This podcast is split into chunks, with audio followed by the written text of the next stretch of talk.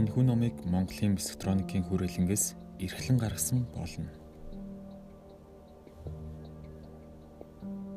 Дөрөвдүгээр бүлэг. Юунд ч үл уягдах уу? Хайр бол уягдхаас ангид цорын ганц эрхчлөө юм.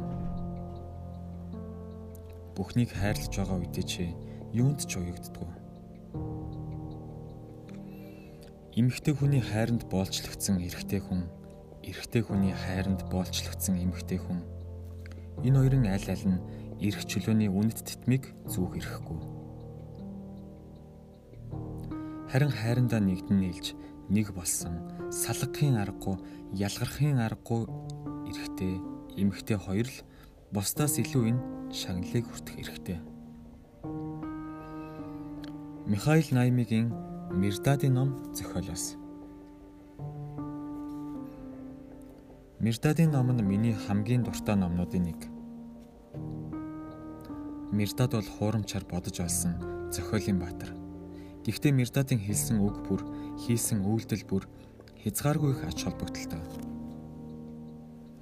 Энэ номыг роман шиг уншиж болохгүй. Түүнийг яг л ариун судар шиг унших хэрэгтэй. Магадгүй хорвоогийн цорын ганц ариун судар шиг. Тэгээд та бүхэн энэ үгнээс Мирдатын гэгэрлийн оч, ухаарал, ойлгосон зүйлийг нь олж харж болно. Тэр хайр бол уягтхаас ангид цорын ганц эрх чөлөө юм гэж хэлдэг. Гэтэл та нар хайр бол цорын ганц уяа гэж дандаа л боддог байсан.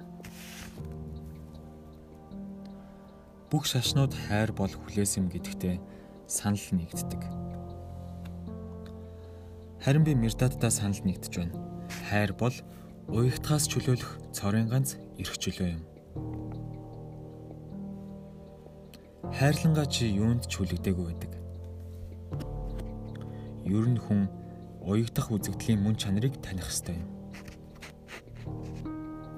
Яагаад чи ямар нэг юмд уягдаад байгаа юм бэ?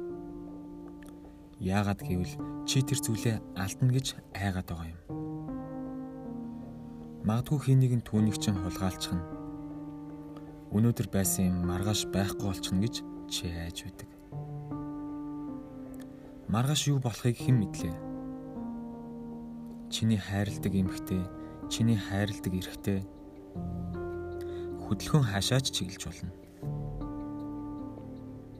Та хоёр бие биендээ арай ойртчих болно эсвэл бүр хүндэрчж болно. Та хоёр эргээд үл таних хүмүүс болж ч болох юм. Эсвэл магадгүй бүр нэг нэгэндээ уусаад хоёр хүн гэж хэлхийн аргагүй хүмүүс болж болох юм.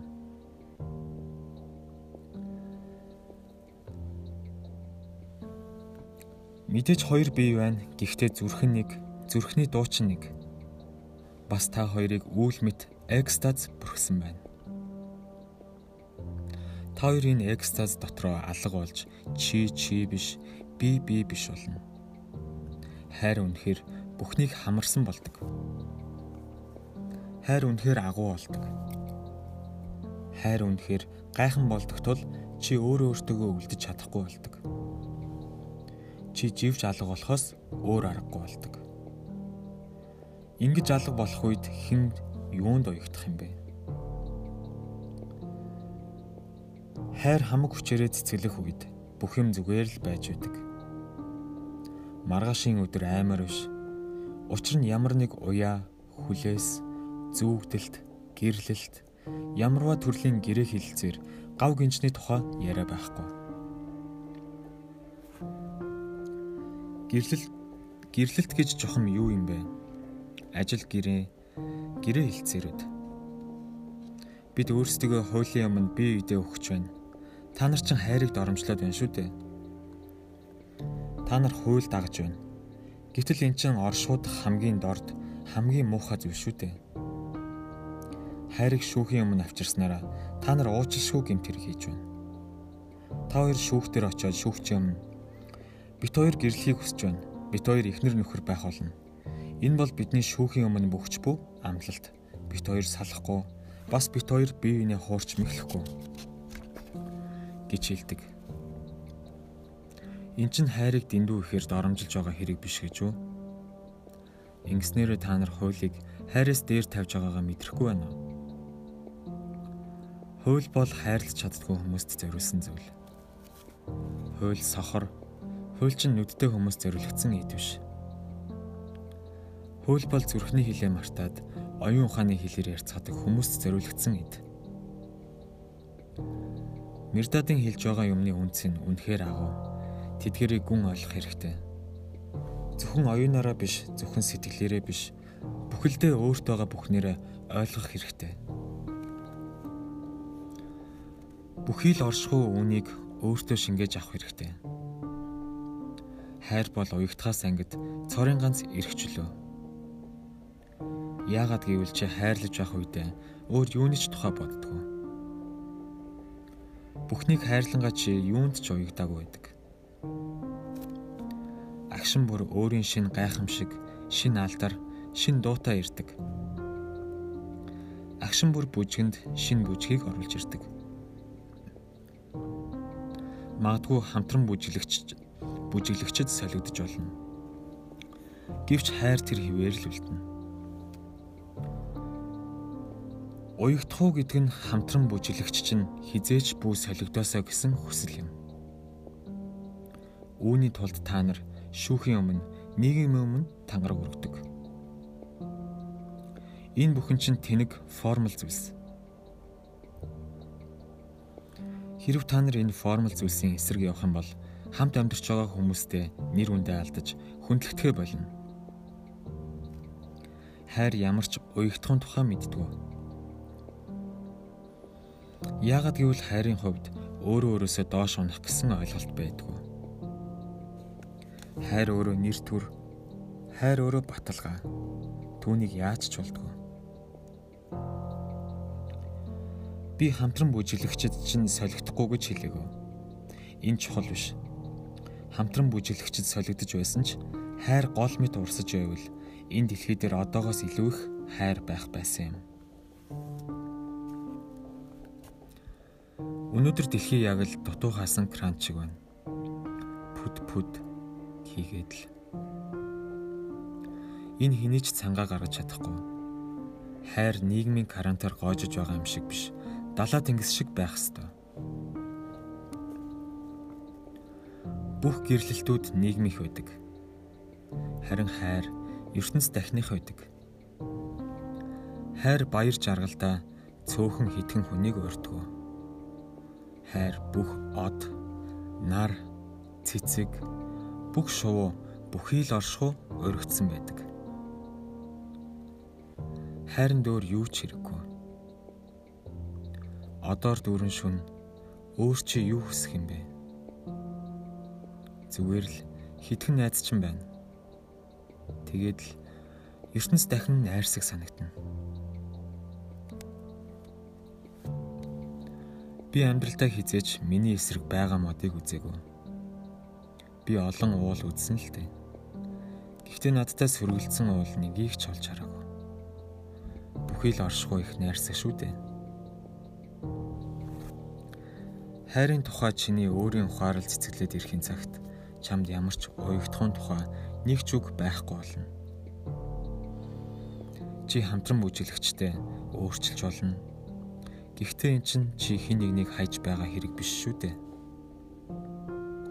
Чи өмнө хамт байсан хүн дээрээ буцаж очиж болно. Энд ямар ч болох болохгүй асуудал байхгүй. Хүн өөрийгөө далайн ирэг дээр тоглож өнгөт чулуу хисаа түүж бөө хүүхэд мэт хүлээж авч байвал таарна. Агуу хэртнээс олсон мэт хязгааргүй их аз жаргалтай байгаа хүүхэд мэт Хэрэг хүн амьдралын өчүүхэн жижиг зүйлсээс таашаал авч өөртөө болон бусдад эрх чөлөөтэй амьдрах боломж олгож байвал түүний ертөнц бүхэлдээ огт өөр ертөнц болж хувирна. Түүний ертөнц гоо сайхан уян далархаа байх болно. Түүний ертөнцөөс агуу их гэрэл цацрах болно. Түүний ертөнцийн зүрх болгонд гал асах болно. Тэгээд энэ галыг чи мэдэнгүүт нөгөө гал чинь улам бүр асах болно. хайрын гал яг мод шиг ургадаг. Хайрын гал мод шиг цэцгэлэж үр жимсээ өгдөг.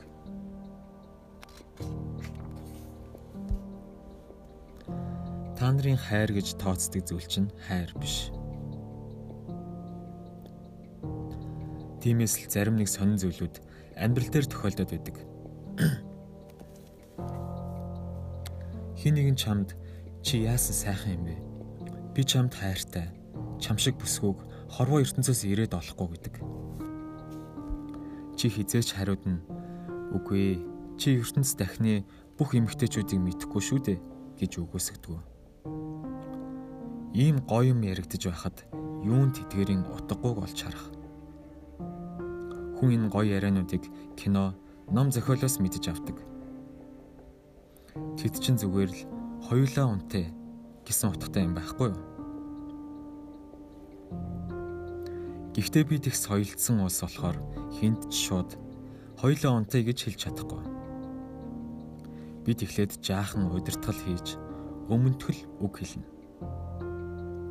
Эс бөгөөс нөгөө эмэгтэй чинь сэргийлэх рүү гүйж очоод энэ эрэгтэй надад ямар нэг амар юм хэлээд байна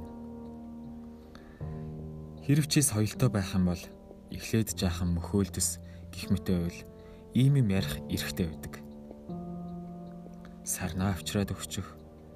Чихэн дээр нь цэцэг ургатал ямар нэгэн яриад өгчих. Эцсийн эцэст бүх юм өглөөний шарталт, толгооны өвчин, мигренээр дуусна гэж хоёулаа л ойлгож байдаг. Хоёр өглөө босоод би өрөөгөө эвгүүцэнгөө харна. Бит хоёр нэг оронд юу хийж байсан юм бол нэг нь сонин уншаад нуугдчихна. Нөгөө нь болсон явдлыг мартахын тулд цай юм уу кофе чанаад эхэлнэ. Дараа нь Мирдад хэлдэг. Эмэгтэй хүний хайранд боолчлогдсон эрэгтэй хүн, эрэгтэй хүний хайранд боолчлогдсон эмэгтэй хүн энэ хоёрын аль аль нь эрх чөлөөний үнэт тэтмийг зүүх эрхгүй. Хайр уягтхуу болох яг тэр агшинд харьцаа болж хувирдаг. Хайр шаардлага болж хувирах тэр агшнаас шорон эхэлдэг. Нөгөө эмэгтэй чинь чиний эрх чөлөөг үгүй хийсэн. Чи одоо дүүлэн нис чадхаасаа өнгөрсөн. Одоо чи торонд орсон. Тэгээд их сонирхолтой байдаг. Ялангуяа надад их сонирхолтой байдаг. Хүмүүс намайг ганцаараа өрөөндөө юу хийгээд байдаг юм бэ гэж гайхдаг. Би ч бас гайхдаг. Энэ хүмүүс чинь хамтдаа юу хийгээд байдаг юм бэ гэж. Би ганцаараа байхдаа яг л загас усандаа байгаа юм шиг байдаг. Хэрв хий нэгэн дахиад гараад ирвэл проблем үүсдэг. Ямар нэгэн болдог. Хэрв хий нэгэн өөр хүн гарч ирвэл янир чимээгөө байхгүй болно. Нөгөө хүн чинь ямар нэг юм асууна, хэлнэ, ямар нэг юм хийн, чамаар хийлгэнэ. Тэгээж зогсохгүй нөгөө л хүн чинь өдөр болгон дандаа л үргэлжлэнэ. Хоёр хүний орыг бодож олсон хүн хүн төрлөختний агуу том дайснуудын нэг байсан баг. Орондоо хүртэл ямар ч хэрэгчлүүгөө. Чи дураараа хөдөлж болохгүй нөгөөдөг чинь дандаа дэрэгд байна. Түгэрч зогсохгүй нөгөө хүн дандаа илүү зан дээр унтна. Хэрв чи орондоо жаахан газар олж авсан ч өөрийгөө аздаа тооц. Яагаад гэвэл нөгөө хүн чинь байнга томорч байгаа шүү дээ Энэ ертөнц их хачин ертөнц. Эмэгтэйчүүд нь өргөжлүүлээд томроод л байдаг. Харин эрчүүд нь атрах хэрэгтэй болдог. Тэгээ бүх юмд эрэгтэй хүн буруутай байдаг. Тэр эмэгтэйчүүдийг тийм бүдүүн жирэмсэн болгодог. Тэгээд бас өчнөө проблем цаана нь хүлээж байдаг. Хэрв эмэгтэй, эрэгтэй гэсэн хоёр хүн нэг дор байх юм бол удахгүй гуравт хүн гарч ирдэг тэр хүн гарч ирэхгүй бол хуршүүдийн санаа зовно. Юу болов? Яагав? Яагаад хүүхэд гарч ирэхгүй байгаа юм бэ гэдэл. Би олон газар олон хүмүүстэй амьдарч байсан. Тэгээд би гайхсан. Яагаад хүмүүс бусдад проблем үүсгэх гэж тийм их санаа зовдөг байна? Хэрв хий нэгэн ганцаараа яваад байвал тэд гэрлэлт гэдэг заавал дагах ёстой ертөнцийн хууль мэт яагаад чи хүнтэй суухгүй байна гэж санаа зовно. Хүн болгоны дарамт шахалтаас болж шаналсан нөгөөдөг чинь гэрэлсэн нь дээрэн байх гэж бодож эхэлнэ. Ядаж хүмүүс түүнийг зовоохоо болох юм да. Гэхдээ энэ бол алдаа. Чамаа хин нэгэнтэй гэрлэнгүүт тэрд хизээ хүүхдтэй болох уу гэж асууж эхэлнэ. Одоо энэ бол харин хүнд асуудал шүү. Энэ асуудал чамаас шалтгаалдаггүй. Хүүхэд төржиж магадгүй, төрөхгүй ч гэж магадгүй. Тэр төрөх цагтаа л төрнө. Гэвч нөгөө хүмүүс чинь чамайг шаналгаж эхэлнэ. Хүүхэдгүй гэр бол гэр биш. Энэ үнэ. Хүүхэдгүй гэр үнэхээр анир чимээгүй байдаг. Хүүхэд гараад ирэхлээр гэр яг л галзуугийн имлэг шиг болдог. Тэгээд л хичнээн их хүүхэд байна. Төчнөө их асуудал гарч ирдэг. Би өөрийнхөө өрөөндөө бүхий л амьдралынхаа туршид үг дугуй сууж байна. Тэгээд хизээч хинээсч ягаад чи гэрлэхгүй байгаа юм бэ? Ягаад хүүхдтэй болохгүй байгаа юм бэ гэж асуудаг. Учир нь би ийм асуултуудыг тавих нь соёлтой хэрэг биш гэж үздэг. Эн чинь нөгөө хүнийхээ эрх чөлөөнд халтж буй хэрэг. Харин хүмүүс өөрийн ихнэр хүүхэдтэйгээ үргэлжлүүлээд л амьдраад байдаг. Тэгээд гэр бүлд чинь шинээр нэг хүн нэмэгдэх тусам олон зүйл санаагч нь зовоож эхэлнэ. Тиймээс чи автоматар улам бүр баг мэдрэмтгий болно. Чи арай баг сонсно, арай баг харна, арай баг үнэрлэн, арай баг амтлана.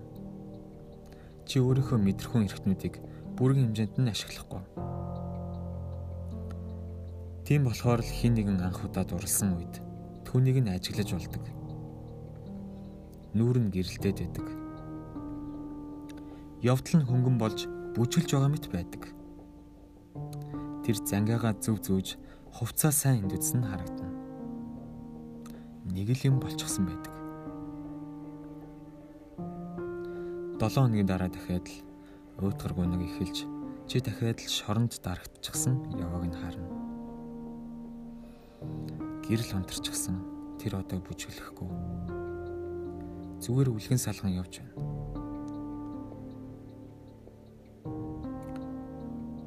Цэцэг ногоо урдын адилд илэрч байна. Гэвч тэр түүний сайхныг одоо олж харахгүй.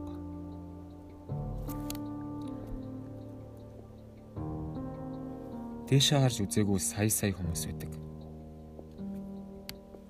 Тэдний нүд газарт нь алдчихсан байдаг.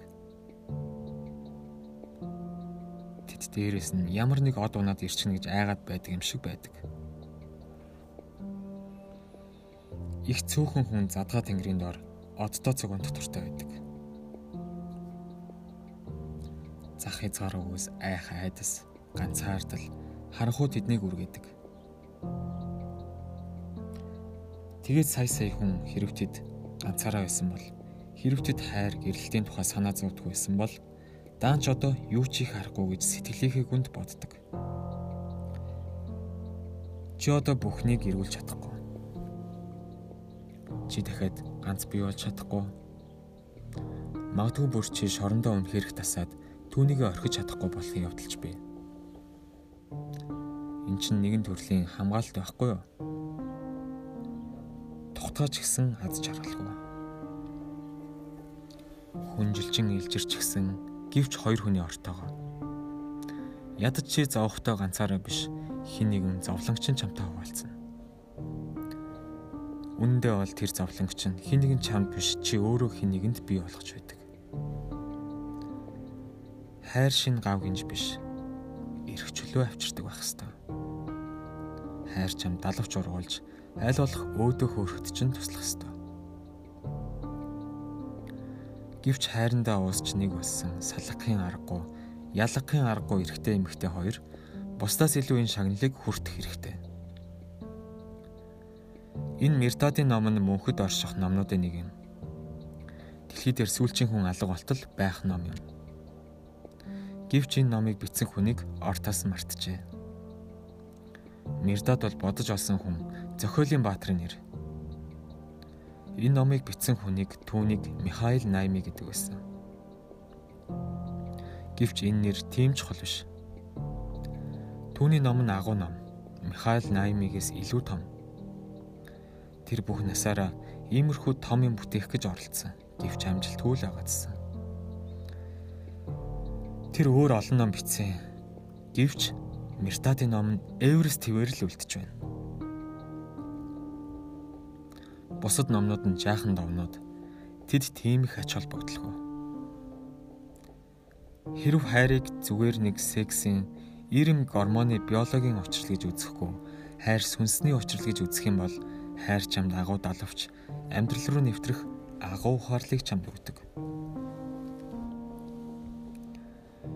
Тэр үед дурлсан хос анх удаа найзууд байж болдог. Гэтэл ихэнхдээ тэд хувцас олсон дайснууд байдаг. Шашнууд ертөнцөөс зугтсан ариун хутагт гэж нэрлэгдээд байгаа хүмүүс амьдралдаа нүүр тулж амьдралын өөдөөс харж чаддгүй. Тэд цорын ганц сүнсний орн болох хайрын үзлийг бүхэлд нь хордуулсан. Тэд сексийг буруутгасан. Сексийг буруутгахад хайр бас буруутгагдсан. Учир нь хүмүүс секс, хайр хоёрыг нэг юм гэж боддог.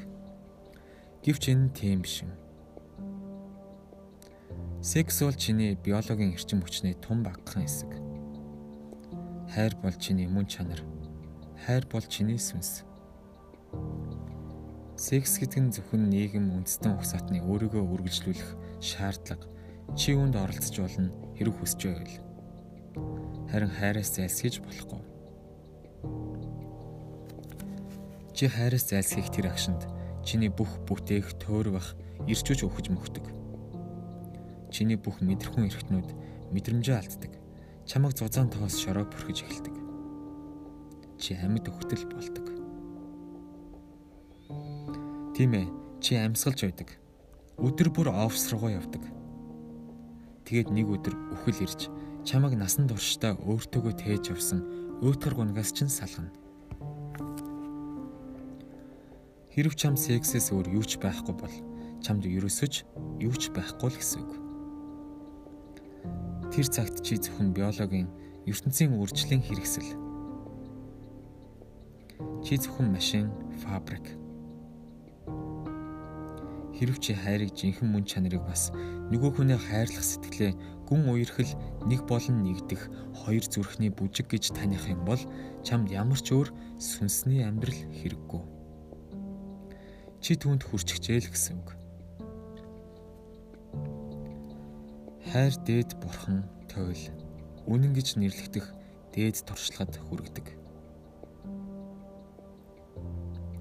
Үнэндээ бол зах хязгааргүйд нэр үгүй тэр нэргүү гівч хайрл түнд хүргэдэг юм. Хэрв чи зөвхөн сексийн тухай бодож хизээч хайрыг ухаарах ухаарлт хүрэхгүй байвал зүгээр л өөрийгөө салхинд туугдж байна л гэж ойлго.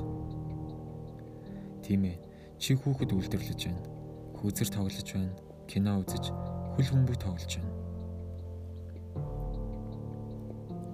Гэвч чи хизээч оршихун, жинхэнэ гоо сайхан жинхэнэ анир чимээгүй огторгон инх хамглан мэдрэхгүй. Хайр л үнийг мэдрүүлдэг. Нэг зүйлийг санаарай. Хайр ямар ч зах хязгаарыг мэддэг. Хайр хартаа ойж чаддгүй. Учир нь хайр өмчилж чаддгүй. Хэрв чи хин нэгнийг өмчилж байвал чи түүнийг алаад өөрийн эд хөрөнгө болгочихлоо гэсэн үг. Зөвхөн эд юмсыг л өмчилж болно. Хайр бол эрх чөлөөг өгдөг. Хайр өөрөө эрх чөлөө.